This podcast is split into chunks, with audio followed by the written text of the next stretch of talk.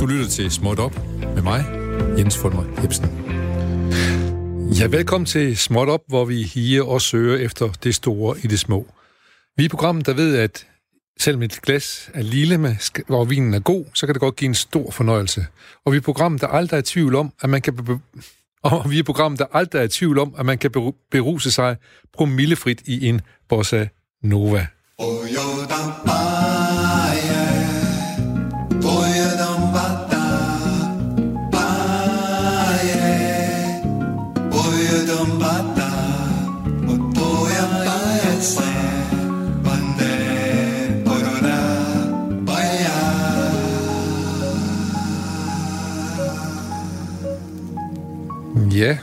således ankom vi atter på en torsdag til den særlige time mellem 12 og 13, og det er endda en herlig torsdag, hvor vi som altid småt op skal møde en gæst, der har en viden, der er meget større end de fleste af os andre dødelige har om dagens emne. Det er med andre ord nu, man har muligheden for at blive klogere på en underholdende måde, og det er endda midt i din time, hvor du måske nyder din frokostpause.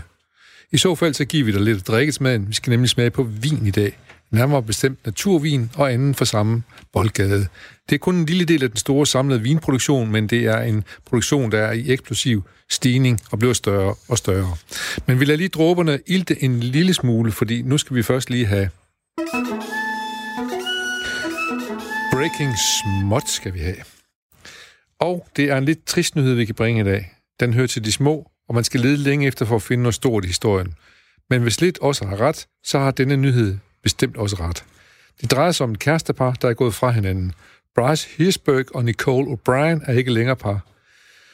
Det er altså ikke ret mange dage siden, at de erklærede hinanden kærlighed, eller var det bare gensidig lyst? I hvert fald er de sidste, øh, fald det, det, det sidste, så håber vi, at de nu har fået stille lysten, så de hver især kan drage ud i verden og lede efter en genuin eneste ene. Part har truffet hinanden, da de medvirkede i samme reality-tv-program, hvor Nicole blandt andet fik opgaven at kropsmale Bryce. Om det var den øvelse, der gav den gensidige lyster, det ved vi ikke. Men måske skete det lige det øjeblik, hvor Nicole skrev ordet uk på Bryce Hicksburgers brystkasse, at lysterne, de brændte i de to. Husk at Radio 4 taler med Danmark, og har du engang fået utæmmelig lyst af at have fået malet et ord på din brystkasse, så hører vi gerne om dels det specifikke ord, der antænder dig, og dels hører vi også gerne nærmere om omstændighederne. Så hvis du vil tale med Radio 4, der taler med Danmark, så skriv til småt op på øh, adressen lille radio4 DK. Og nu er der dømt vin i glasene. Jeg skal give ordet videre til Småt Ops producer Emil Dahl lige om lidt. Han interesserer sig nemlig rigtig meget for såvel cykelløb som vin, og så skal han selvfølgelig have lov til at føre ordet på denne dag, hvor vi besøger vinmand Emil Olander. Øh, og Emil Olander har et øh, lille øh, importfirma med naturvin, uh, og det vokser støt og roligt større og større. Så vi skal smage på det vin, Emil har med, og uh, vi skal også øh, have vores kollega ind lige om lidt. Det er Isa Samuelsen Kowalski, eller Isa Kowalski Samuelsen er det mere præcist, som kan komme ind og hjælpe os med at smage på de vine, som Emil Olander har med. Så øh, nu skal jeg bare sige velkommen til jer, og take it away, Emil Dahl. Jo, tak. Jeg skal sige velkommen til Emil Olander til at starte med. Hej Emil. Goddag med dig. Øh, vi har jo en øh, fast tradition her i øh, Småt Op, hvor vi øh, altid held, øh, hylder vores to helte, øh, folkemusikanterne øh, Benny Holst og Arne Vivler, øh, som har skrevet en sang, der hedder Sang om mere værdi, hvor de, øh, de leverer en, en syngende løsning til kapitalismens udbygningsmekanismer. Øh, de synger blandt andet, jeg står op om morgenen, går hen på mit job, jeg laver noget og får min løn, men det, jeg laver, er mere værd, end det, jeg får. Og det bruger vi altid som anledning til at sige til vores gæster, når du står op om morgenen, og går hen på dit job. Hvad er det så, du laver, Emil Olander? Jamen, øh, det er et godt spørgsmål. Øh, jeg driver et lille naturvinsimportfirma, som jeg startede for øh, to, to og et halvt år siden, øh, som hedder Olander Vin. Øh, hvor jeg arbejder med bitte små øh, naturvinsproducenter. Mest dels fra Frankrig, men øh, over det seneste års tid har jeg, har jeg udvidet min øh, portefølje til også at arbejde med øh, tjekkiske ciderproducenter, polske ciderproducenter og øh, en, øh, en lille gruppe fra Sverige også, som laver både vin og cider. Ja, og, og en af de ting, vi jo skal snakke om i dag, det er det her med at være en, en lille importør, som også arbejder med små producenter. Men der er måske nogle af vores lyttere, der sådan i, i den første introduktion her lige spidser ørerne, når du siger, at du arbejder med naturvin primært. Kan du ikke prøve at sætte et par ord på, hvad det er for noget vin, du, du ligesom importerer? Jo, naturligvis. Øh, ja, naturvin er jo øh, er noget, som fylder mere og mere sådan, øh, i vinverdenen, særligt her i de, øh, de nordlige himmelstrøg. Øh, inden for de sidste par år er København jo blevet sådan en, et, et sandt naturvindsmekka, øh, som folk de taler om rundt omkring i, i verden. Øh, noget af det er hype, og øh, noget af det har, har god, god bund i virkeligheden. Ja. Øh, fordi vi sådan, i de seneste år har set en, en restaurationsscene, som virkelig har haft fart på, øh, men også haft nogle klare visioner, øh, sådan, hvad de gerne ville. Ja. Øh, og det har blandt andet også involveret øh, ja, vinsiden. Hmm. Og hvad er det så, det, det præcis dækker over, når man ligesom taler om naturvin, udover at det, det har en popularitet i tiden? Hvad er det, der ligesom kendetegner den her type vin? Øh, grundlæggende set, øh, når man taler om naturvin, så, øh, så dækker det over som et samlebegreb Mm. sådan, øh, over økologiske, biodynamiske og naturlige vine. Ja. Øh, grundlæggende set, så handler det om, at alle gæringsprocesser, de er naturlige. Mm. Øh, så det vil sige, at man ikke øh, tilføjer sådan industrielt øh, fremstillet kulturgær til sådan at kickstart øh, gæringsprocesserne. Ja. Øh, men det bliver ligesom sat i gang ved øh, det naturlige sukkerindhold, som, øh, som øh, er i druerne, øh, og så den bakterieflora og de gærstammer, som ligger uden på, på druerne. Mm. Øh, og det, man kan sige, sætter så den alkoholiske gæring i gang. Ja. Øh, på marksiden, så handler det om, at man har sunde øh, og ikke mindst rene øh, marker, hvor man ikke bruger sprøjtemidler, øh, men man også arbejder sådan lidt mere øh, visionært med øh, polykultur, øh, arbejder med at i stedet for at bruge øh, forskellige sprøjtemidler, så bruge øh, urter øh, og forskellige øh, eteriske olier osv. Mm. Øh, Spændende. Øh, jeg tænker, nu kan jeg se, at du har et par flasker vin til at stå derovre, Emil, om vi skulle have åbnet en op, og så smage What the Fuss is About. what Og, the fuss is about? og det passer jo fremragende med, at vores øh, husmager, vores nye husmager, har jeg lyst til at sige, fordi vi har jo en fast husmager på Småt Op, som er Sara Meier, som desværre har været nødt til at lægge sig ned med sygdom i dag. Så det var vi selvfølgelig ked af, men så har vi jo så mange andre dejlige kollegaer her på Radio 4, at Isa Samuelsen har trådt til. Det er jo dejligt. Og Isa, jeg skal lige høre dig først og fremmest, fordi Sara har jo smagt på kaffe og øl for os. Mm. Dit forhold til vin, kan du prøve at sætte et par ord på det? Men, altså, jeg er rigtig glad for vin. Øh, før jeg blev journalist, har jeg arbejdet som tjener i mange år, og øh, en fast tradition, når man er sådan tjenervagt er færdig, det er jo lige at vende øh, dagens kunder og arbejde over et glas vin, så jeg har drukket min chat af vin, vil jeg sige. Øhm, Perfekt. Så, øh, så, så jeg nyder det, og jeg Ja. ja. skældner ikke mellem rød og hvid og rosé. Næsten ikke. Og hvordan med, nu, nu har vi jo Emil på besøg i dag, som, som arbejder primært med de her naturlige vin. Er det noget, du har øh, drevet dig ud i før, eller hvordan ser det ud? Jamen ikke ret meget. Altså, jeg, har, jeg tror, jeg har prøvet det et par gange, og det har nok skræmt mig lidt væk de gange, jeg har prøvet det. Altså, det har lidt været en, øh, en blandet oplevelse. Der er sådan særligt en gang, hvor jeg fik det på en restaurant, hvor altså, jeg, jeg havde lidt følelsen af, at jeg fik druesaft. Hmm. Og, og det har skræmt mig lidt væk, så det er ikke noget, jeg på den måde har dyrket, men øh, det kan jo være, at man skal ændre det. Vi ser, om vi kan omvende dig. Er det noget, du kan genkende til det der, sådan lidt en, en forbehold og en skeptis over for, for de vin, du arbejder med, Emil? Ja, helt bestemt. Ja. Det, er virkelig, øh, det er virkelig et fænomen, som, øh, som deler vandene. Ja. Øh, og i nogle tilfælde også med god ret, øh, Ja. ja. som jeg lige kort var inde på, så, øh, så er det et fænomen, som er blevet, blevet vældig populært, øh, særligt på den anden side af sundet. Ja.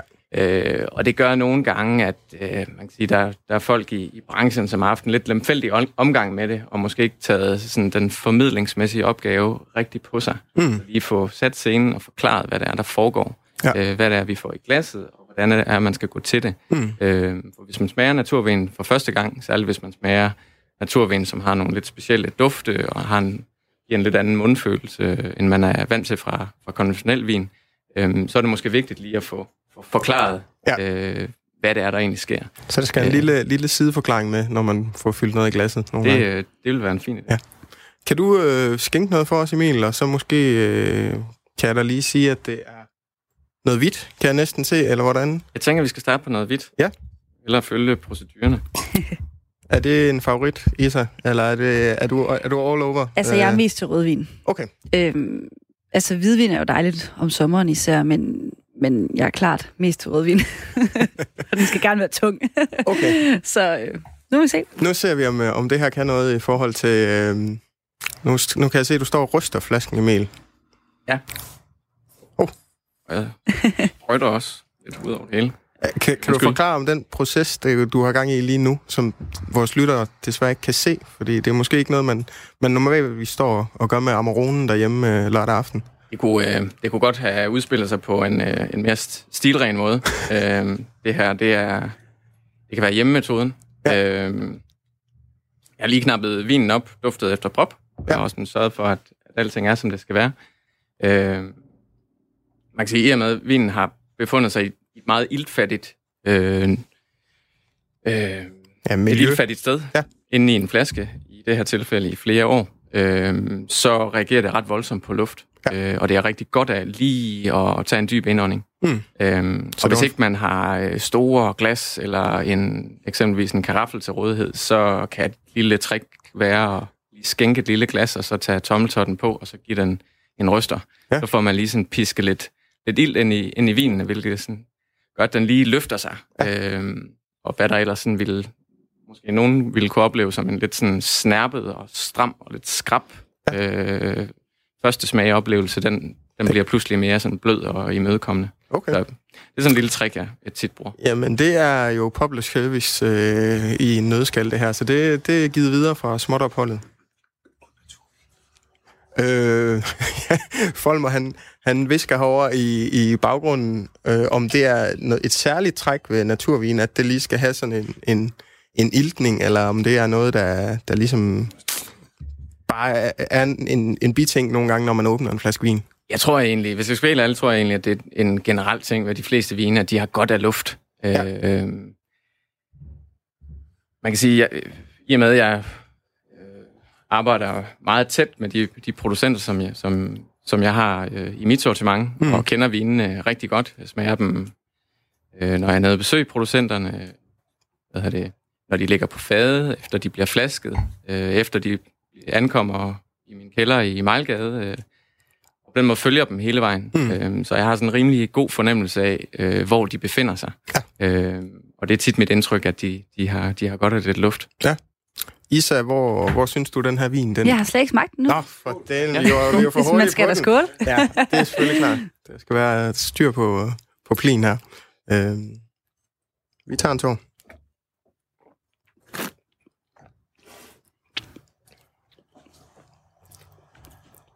Du spytter det ud. Det gør jeg altså ikke. Jeg spytter lidt af det ud. Ligesom. Det du så ikke spyttede ud, Isa, hvad, Mm. hvad, hvad smager du der? Måske også, hvad dufter du øh, i den her vin? Det er sjovt, fordi jeg synes faktisk, det er to forskellige. Jeg synes, den dufter meget sødere, end den smager. Okay. Øhm, altså, den dufter nærmest sådan... Nogle gange kan man få sådan nogle dessertvin, som nærmest altså, dufter sådan den der lidt sådan rosinagtige Mm. duft. Så sådan lidt overmoden frugt Ja, nærmest. Ja, på en eller anden måde. Og Ja. den, den smager ikke lige så sødt, som den dufter. Så den, Folmer, han står og nikker. Han er, han er enig i den betragtning. Jeg er der. ansat. Det er, jeg vil sige, Sara Maja, hun skal stramme sig an næste gang, der er konkurrence i mundskænk her på, på Småt Op. Øh, ja, så, så en, en tør øh, mund, mundprofil, synes du? Ja, og, og altså en god syre også, Ja. som jeg egentlig synes er ret lækker. Øh, og den er jo ikke grumset, så det, det var min store frygt. Ja. Ja. Øh, så, det, øh, så det synes jeg slet ikke er dårligt. Nej. Ja, fordi her, her rører Isa måske noget ved noget es- essentielt omkring de her naturviner. Der er visse sådan, myter, øh, som har på, til dels hold i virkeligheden, men måske også er lidt opblæst nogle steder, at man kan jo støde på noget vin, der eksempelvis ser lidt anderledes ud, lidt mere uklart og, og noget grumset noget. Er det, er det noget, du kan genkende til, Emil? Ja, helt bestemt. Ja. Altså nu var vi lige kort inden øh, omkring sådan den landbrugsmæssige side af, af et, et naturligt vinbrug. Mhm. Øhm, den anden og mindst lige så vigtige del af sagen, det er det arbejde, som, som vinmæren foretager i vinkælderen. Ja. Øhm, og det er der, de store forskelle sådan for alvor begynder at markere sig. Mm. Øhm, der er rigtig mange naturvindsproducenter, som arbejder ud fra, hvad man sådan kan kalde en, en lavinterventionistisk tilgang til det at lave vin. Ja. Øhm, Som vil sige. som vil sige, at som udgangspunkt, der følger man vinen Ja. Man, øh, man efterstræber bare at følge vinen, men at intervenere på så få steder som muligt.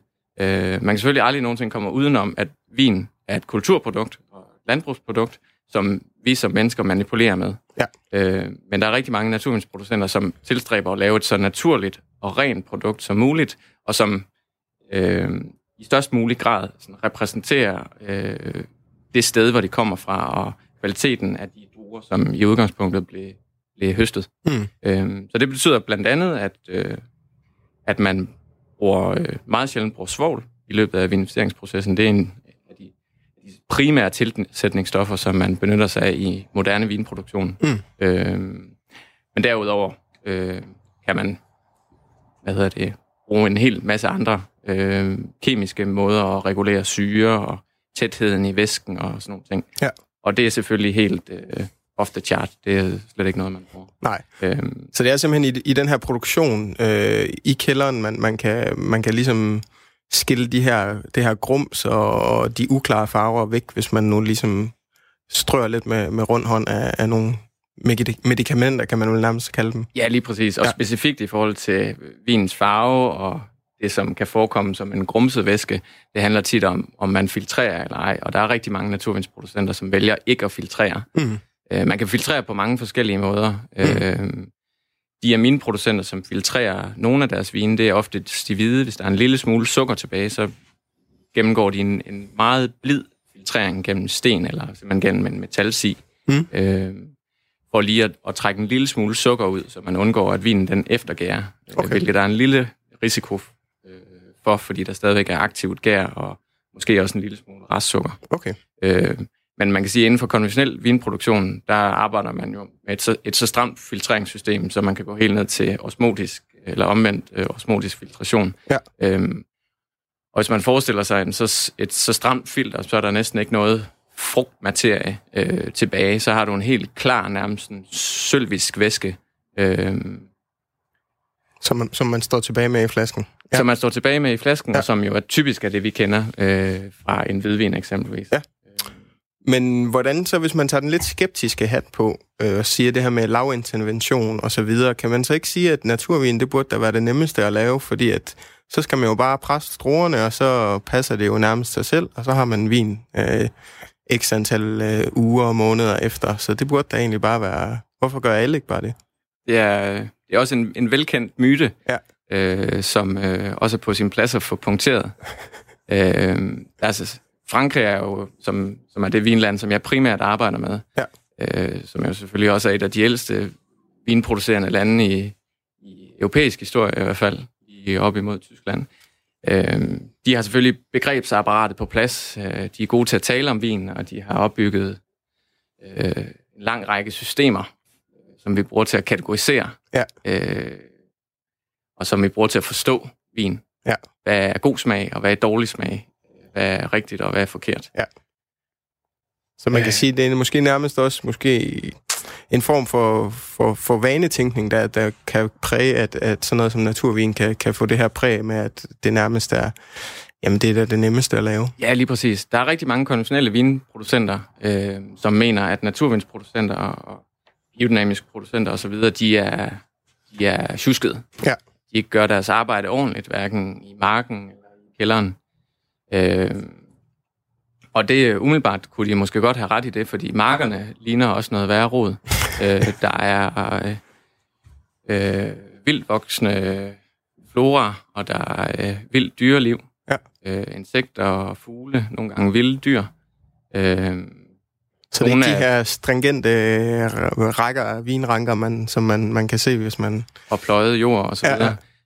Øh, nej, øh, tværtimod. Det kommer selvfølgelig lidt an på, hvor øh, vinene bliver dyrket, fordi man går til Ja. markarbejde på en lidt, lidt forskellig måde, alt afhængig af, om det er i nord eller syd. Okay. Øh, I særligt i sydlige Frankrig, hvor man, hvor man har problemer med simpelthen, at druerne de, de, øh, de bliver ristet Ja. øh, på grund af, af solen.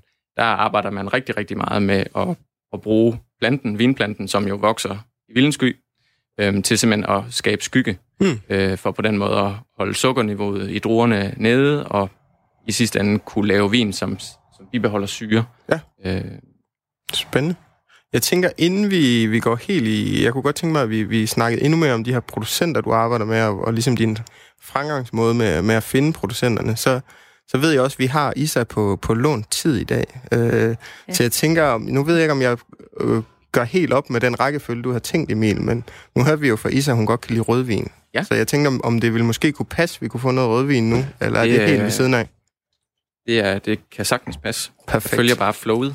Det er godt. det, jeg synes i hvert fald ikke, vi skal sende Isa ud af døren, uden hun lige har smagt noget, noget rødvin. Så tror jeg også, man arbejder rigtig godt bagefter.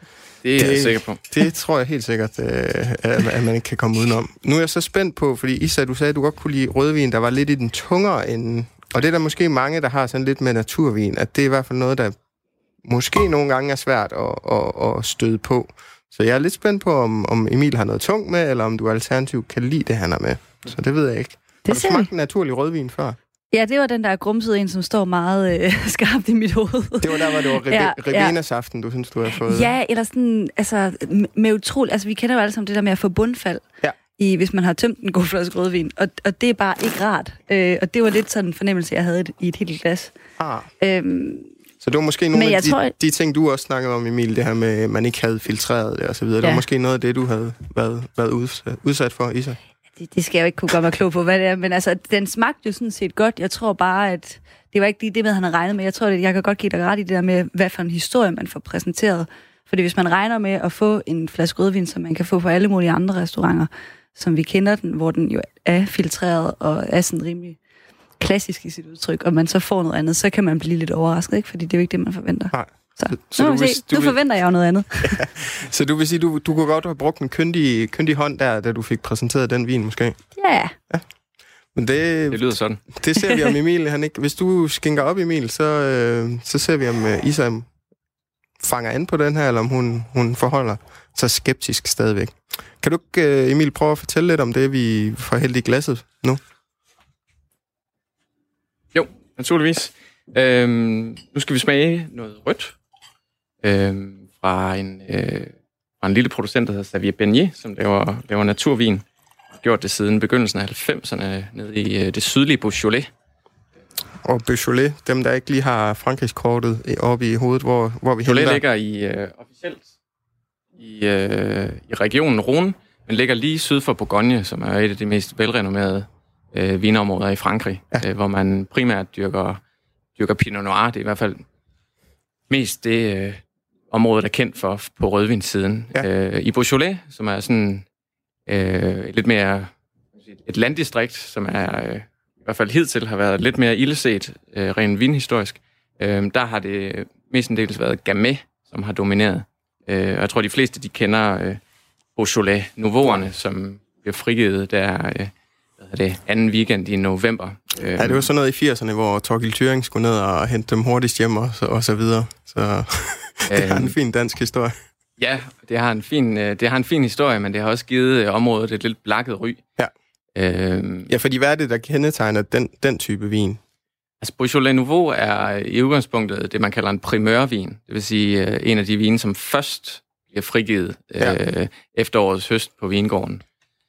Øh, primørvinen fra Beaujolais, Beaujolais Nouveau, øh, bliver frigivet allerede anden weekend i november, og er typisk blevet høstet aller tidligst i slutningen af august, men typisk i, øh, i starten af september. Ja. Øh, hvilket betyder, at der er et meget lille vindue fra man høster, øh,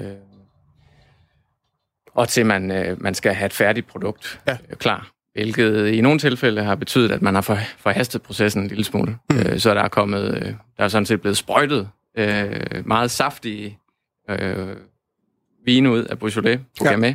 øh, men som også har været enormt dårligt lavet. Okay. Øh, fordi man har været tidspresset, øh, man har høstet en masse dårlige, dårlige druer, og man har varmet dem op til et punkt, hvor de, hvor de øh, hvor man kunne ekstrahere mest mulig øh, frugt ud ja. af dem, øh, men ikke rigtig har, har taget hånd om vinen. Nej.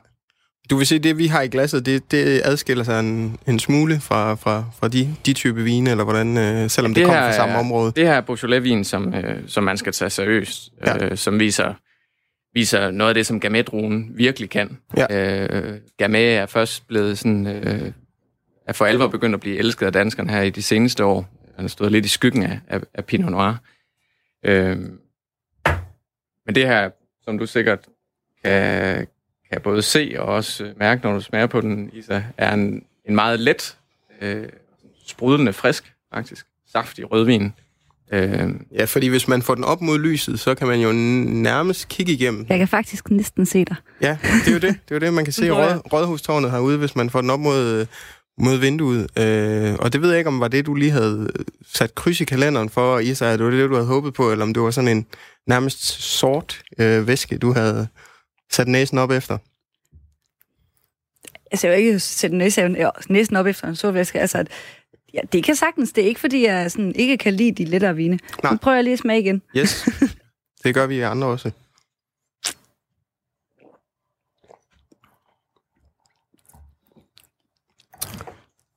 Du tykker lidt på den, Isa. Det, Nej, jeg, sådan... det... jeg synes jo faktisk, det smager godt. Altså, så det må jeg jo... Altså, øh, den er klart bedre end det minde, jeg havde om den anden. Ja.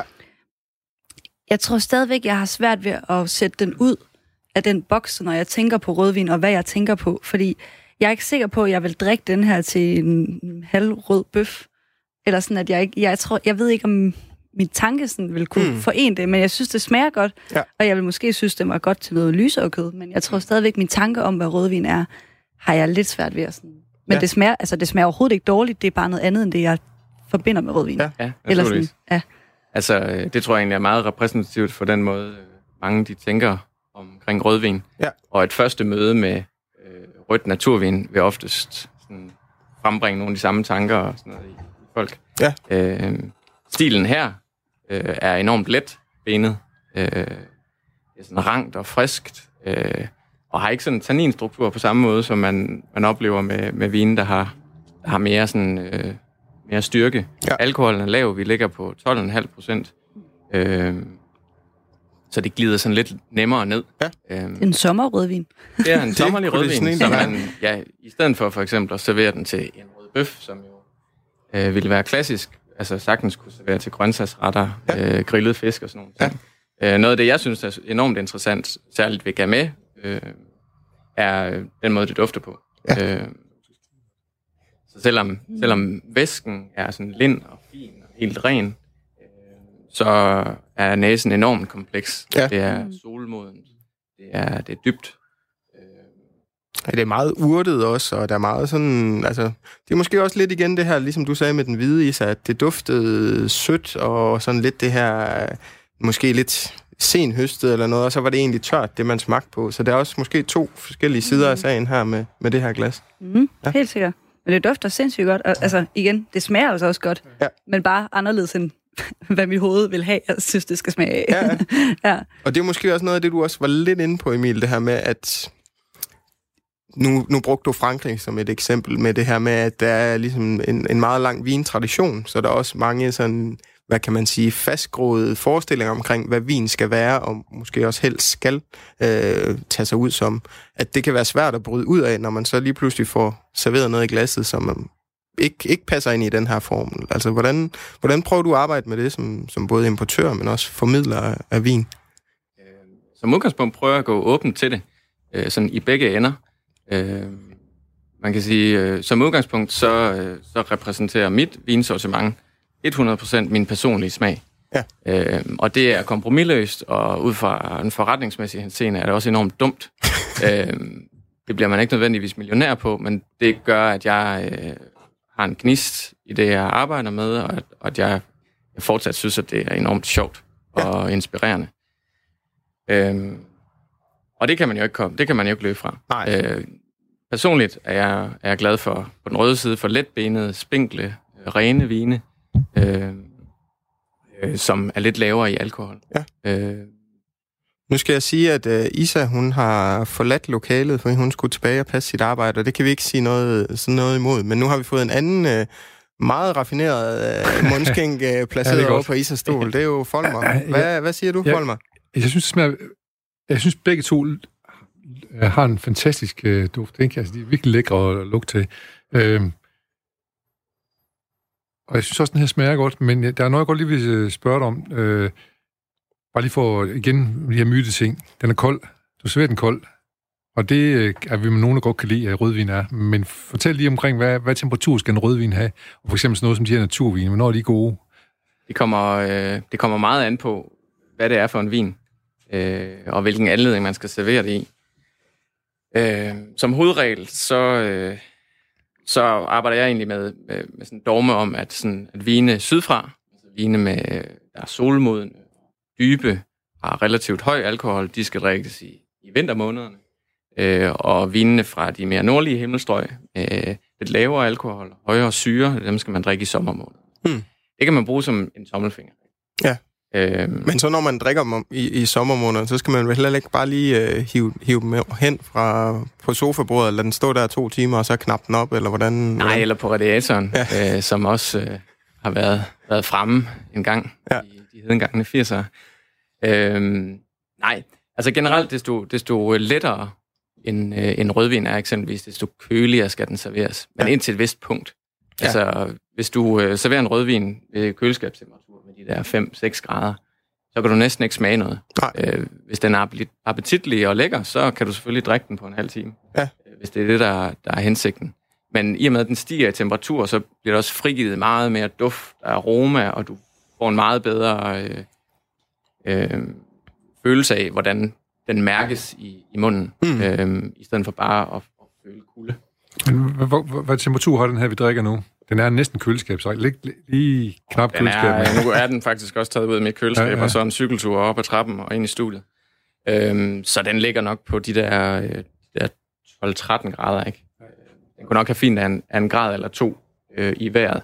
Ja. Øhm, men i og med, at den er så, så, så letbenet, som den er, vil den sagtens kunne serveres øh, Ja. ved den her temperatur. Om ikke andet det første glas, så kan man sige, så kan man jo stille den på bordet. Så, Mm. så ender man på, på, Ja. det, på det bedste punkt. Ja, nu står den jo på bordet, så kan vi jo vende tilbage til den jo. Så, så det er måske også det her, Emil, som jeg næsten hører dig sige, at der er også sådan en, det her med, at du snakker om mundfølelsen af, i forhold til temperaturen osv., der er også en form for sanselighed ind over det her med, at- med at drikke den. Det er der jo selvfølgelig med al vin, men måske særligt med de her type vin, som er... Det, det er vin, man, man har let ved at drikke ofte, og som, som, som hurtigt kan tale til en, hvis man, man sidder og drikker det, eller hvordan tænker du om sådan noget? Øh, ja, bestemt. Ja. Altså, øh, noget af det, som virkelig fascinerer mig ved, ved vin og ved naturvin i særdeleshed, det er, det er duftene. Ja. Ja. De dufte, de frigiver. Øh, som virkelig, altså for mig at se, øh, virkelig udvider sådan øh, grænserne for, hvad, hvad vin kan. Ja. Og når jeg tænker tilbage på det, øh, er det også noget af det, som, som virkelig har fået mig overbevist om, at, at det var det, der, der var sagen for mig. Ja.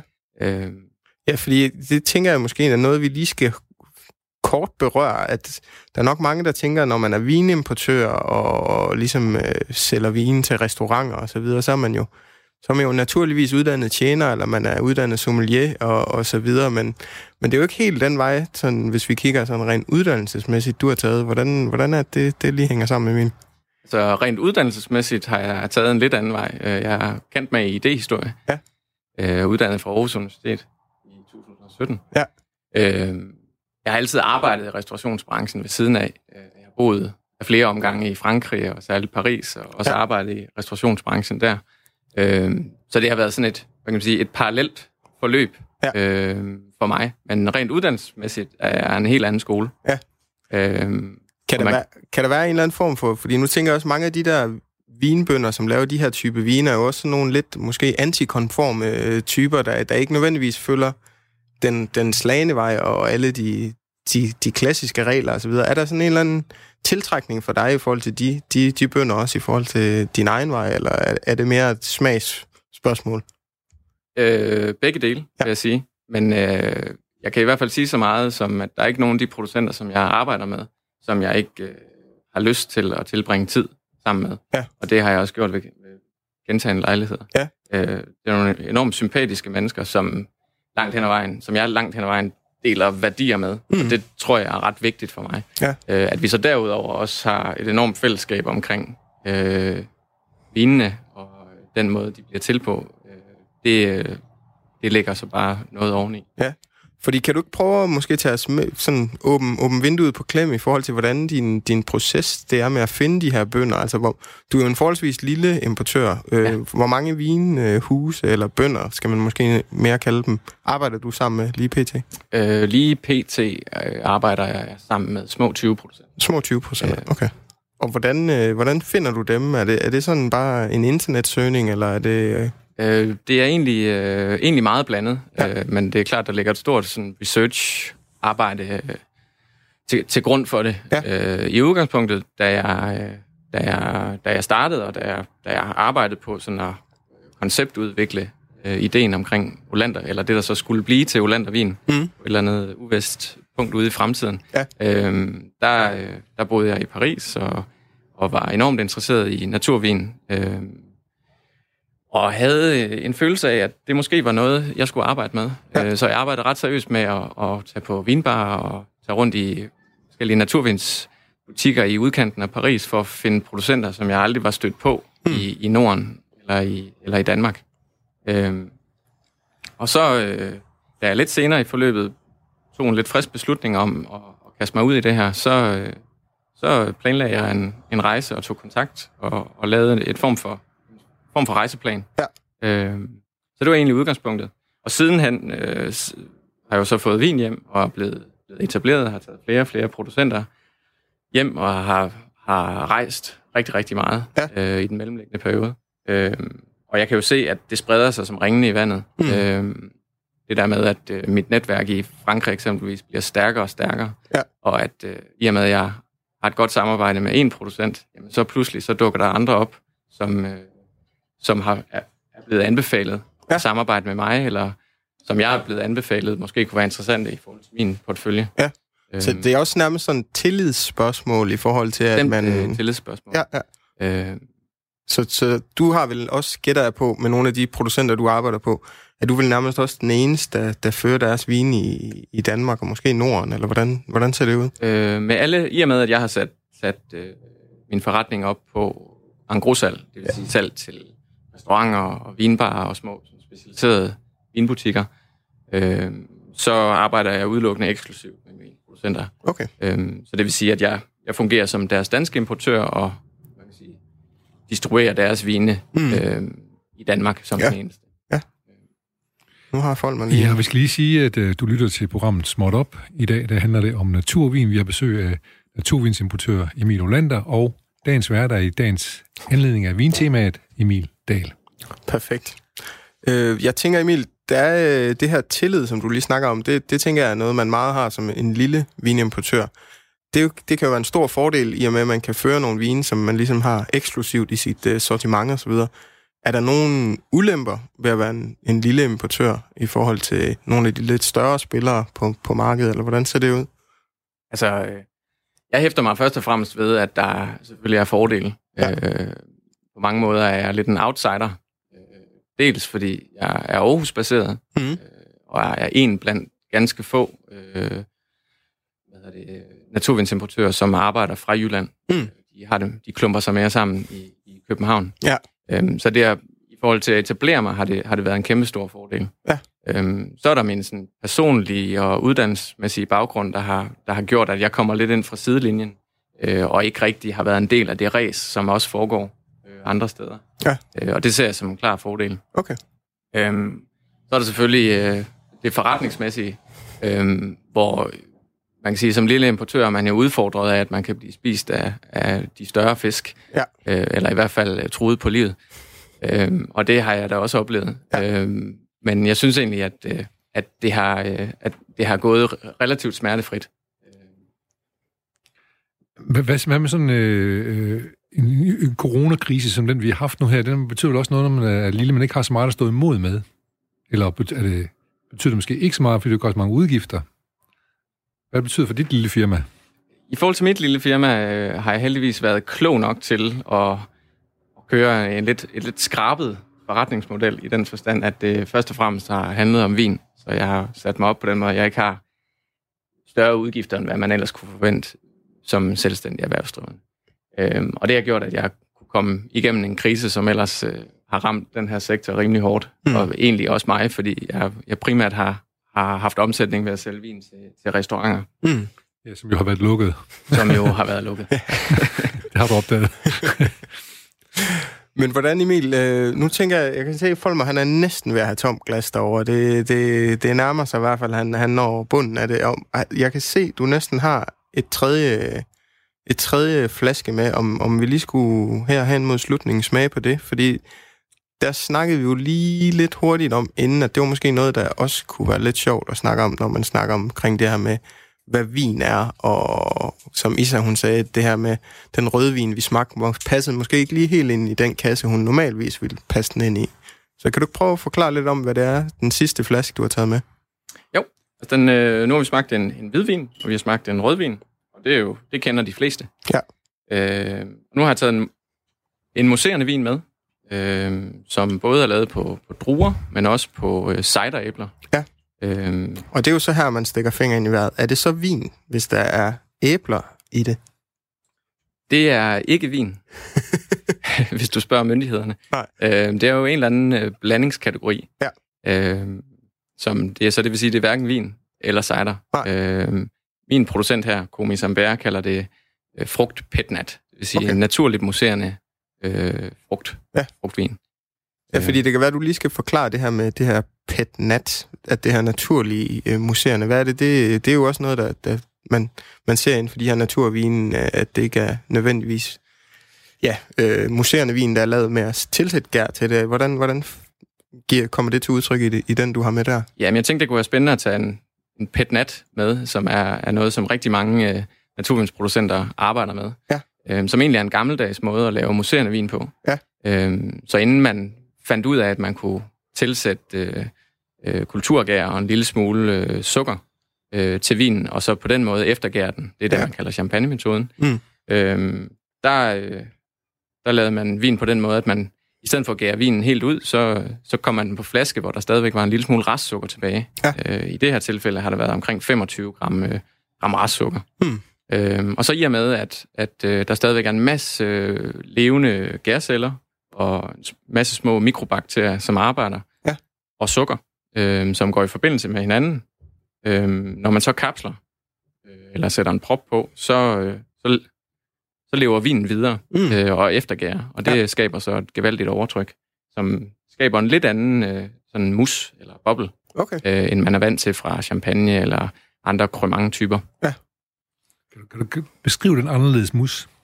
Vi kan prøve, skal vi lige prøve at smage på det? Jo, jo, men øh, jeg tror, dit vokabular er nok bedre end mit til at forklare det. Nu, Men jeg vil meget gerne smage. ups, så er det der. Der røg Altså skylder jeg også lige øh, lytterne at sige, at det jo handler om vin i dag, og derfor smager vi selvfølgelig som værter også på det vin, vi får, men vi får ikke fyldt glasset sådan helt op til kanten, så når jeg hurtigt når bunden, så er det fordi, vi kun hælder lige det nødvendige centimeterantal op, for at lige kan smage på det. Men nu kommer der så noget her, som er en blanding af frugt og, og vin.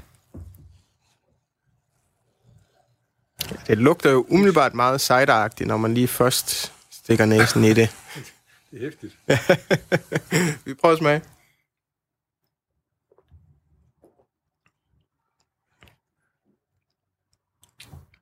Ja. Det er, den, det er den søde afdeling i forhold til de to andre, vi har smagt. Helt bestemt. Ja, Helt bestemt. Det her, det er, øh, som du siger, den, er, den minder mere om en cider. Ja.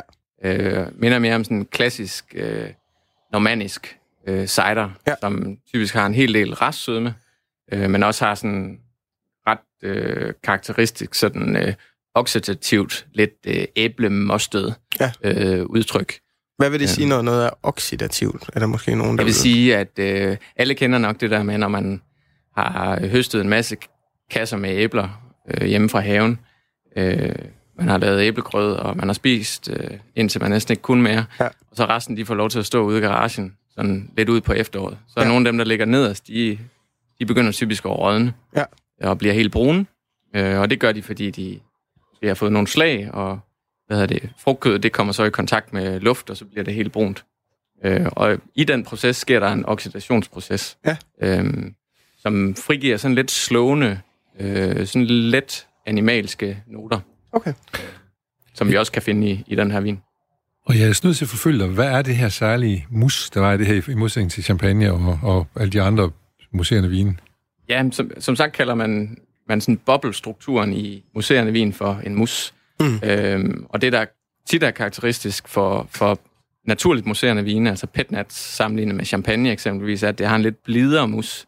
Øh, I nogle tilfælde minder det lidt mere om sodavandsbobler. De er sådan lidt større, mm. øh, og de falder sådan lidt bredere i munden. Ja. Øh, hvorimod champagne eksempelvis rammer, øh, har en meget fin og hård boble, øh, som, hvor der også er ret meget øh, knald på, på øh, kuldioxiden, så det vil sige, det rammer dig helt om bagerst i, i øh, svælget. Ja.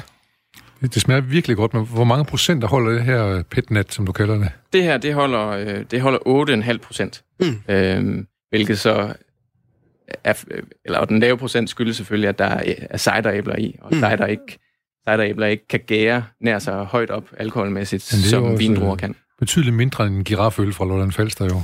det må man sige, det er en stor giraføl. Ja. Hvordan? Ja, størrelsen er, men procenten er jo lavere faktisk, ikke? Ja. Hvordan, hvordan er fordelingen mellem æbler og, og druer i den der, Emil? Er det 50-50, eller hvordan Det er det? cirka halv-halv. Okay. Så øh, der er to forskellige øh, typiske druesorter fra Loire. Der er Chenin, øh, Chenin Blanc, som er en grøn druesort, ja. som bliver presset direkte. Og så er der Grolo Gris, som er en, en lidt rustik øh, landsort, mm. øh, som har været plantet i store dele af Loire, ja. øh, som også bliver presset direkte, men det er faktisk en blå drue. Ja. Øh, okay. Og så øh, cideræbler fra, fra Normandiet. Ja. Jeg tænker, hvis vi sådan her hen mod slutningen, Emil, hvis der er nogen af vores lyttere, der tænker sådan, det lyder ret spændende med den her måske nye for dem øh, type vin, og, og hvad det er for noget sortiment, du har, du har taget med, og, og godt kunne tænke sig at, at prøve det. Øh, kan, man, kan man komme i nærheden af nogle af de her vine, du har taget med, eller hvordan, hvordan skal man forholde sig til det? Det kan man helt bestemt. Ja. Altså, som sagt har jeg ikke øh, nogen fysisk butik eller en vinbar, Nej. Øh, men jeg bor og arbejder i Aarhus, mm. øh, og er altid øh, velkommen, ja. eller folk er altid velkommen i, i min kælder. Ja. Øh, så man er velkommen til at, at kigge på min, min ydmyge hjemmeside, ja. så kan man finde kontaktoplysninger, og ellers følge med på Instagram, hvor jeg til tider er aktiv, når der ellers øh, når ikke der er lukket ned. Ja, lige præcis, når der er tid til. Jeg tænker, hvad, hvad står resten af, af sommeren til, øh, til for dig her nu, Emil, i forhold til, at der forhåbentlig bliver åbnet op og, og så videre, lidt mere... Øh, måske tiltrængt til at begynde at drikke lidt mere vin igen. Altså, regner du med, at der bliver travlt fra nu af, eller hvordan ser det ud? Det, øh, det virker sådan, ja. hvor der har været stille i en lang periode. Det virker som om, at, at folk de glæder sig til at komme ud og få slukket tørsten. Og ja. det synes jeg også allerede nu, man kan se, at restauranterne er fyldte, og, og folk de, øh, de, øh, de er klar på at komme ud og drikke noget vin, og penge sidder løst. Øh, og det, det er vel ikke dårligt, hvis man har sådan et firma som dit? Det, det, vil, jeg, det vil jeg ikke sige. og, og der er sikkert også nogen, der har travlt med at, at, at skal bunde nogle flasker, fordi nu skal der festes igennem. Så hvordan er forholdet mellem tømmermænd og naturvin? Jamen, det er, det er et spørgsmål, jeg tit får. Altså, det er klart... Fik du det igen? Så har du svaret på det jo, så ja, ud fra. altså, indtil et vist punkt, så, øh, så forgifter alkohol jo kroppen, og det, det tror jeg, øh, det kan man aldrig komme udenom. Nej. Øhm, men når det så er sagt, så, øh, så kan jeg i hvert fald for mit eget vedkommende, også for, for øh, mange af mine bekendtes vedkommende, sige, at man får betydeligt færre tømmermænd. Mm. Øh, ganske enkelt, fordi du bare drikker øh, vin, og ikke alle de tilsætningsstoffer, som man ellers kommer kommer i vinen. Ja. Og typisk er det svovlen, øh, som, som er i rigtig store mængder i konventionel vin, som, som går i kroppen og ikke mindst i, i hovedet. Ja. Kan give en gevaldig rødvinstømmermænd. Så hvis man har tendens til at, at hænge lidt med hovedet dagen efter, så, så er opfordringen, at man skal drikke lidt mere naturvin måske. Man kan altid give det et skud jo. Ja. Men kan man se på almindelige flasker vin, altså konventionel vin, hvor meget svovl der er i, så kan passe på det? Kan man ikke. Øh, på den måde er vin jo et vanskeligt produkt, øh, så i modsætning til mange af vores andre fødevarer, hvor det står helt udspecificeret, hvad, hvad, der, hvad, det, hvad produktet indeholder, så står der meget lidt information på en vinflaske. Ja. Øh, og det er også derfor, at det kan være en lille smule svært at navigere i. Øh, for med naturvin, som tit arbejder uden for appellationssystemer og certificeringssystemer, står der endnu mindre. Ja. Øh, så der er det måske igen tilbage ved, ved tilliden til det mellem importøren og, og vinbunden. Lige præcis. Perfekt. Emil Olander, vi siger mange tak, fordi du gad at kigge forbi. Det er meget, der siger tak. Yes, og så når vi jo på herligste vis hen til slutningen af denne dags, denne times udgave af Småt Op. Programmet, der køres på podcast fra i morgen, er produceret af Paseo. Mit navn er Jens Folmer Jebsen, og jeg og Emil er tilbage igen på tirsdag. Hvad skete med dagens digt, spørger nogen? Jo, det kommer her. Det er skrevet af den chilenske Nobelprisvinder 1971, tror jeg det er, Pablo Neruda, og digtet hedder Ode til vin. Min elskede, pludselig omridset af din hofte, blev den buede kurve af vinglasset. Dine bryster er drueklassen, dine brystvorter er druerne, stråleskært af sjælen, lyser dit hår, og din navle er et kysk sejl. Stempel på din maveskar. Din kærlighed er en utømmelig kaskade af vin. Lys, som illuminerer mine sanser. Livets jordiske stråleglans. Yes. Og så er vi ved at bruge vores egen helt indsindige time her, og skal tilbage til virkeligheden, og det gør vi allerbedst sammen med netop Anne Philipsen.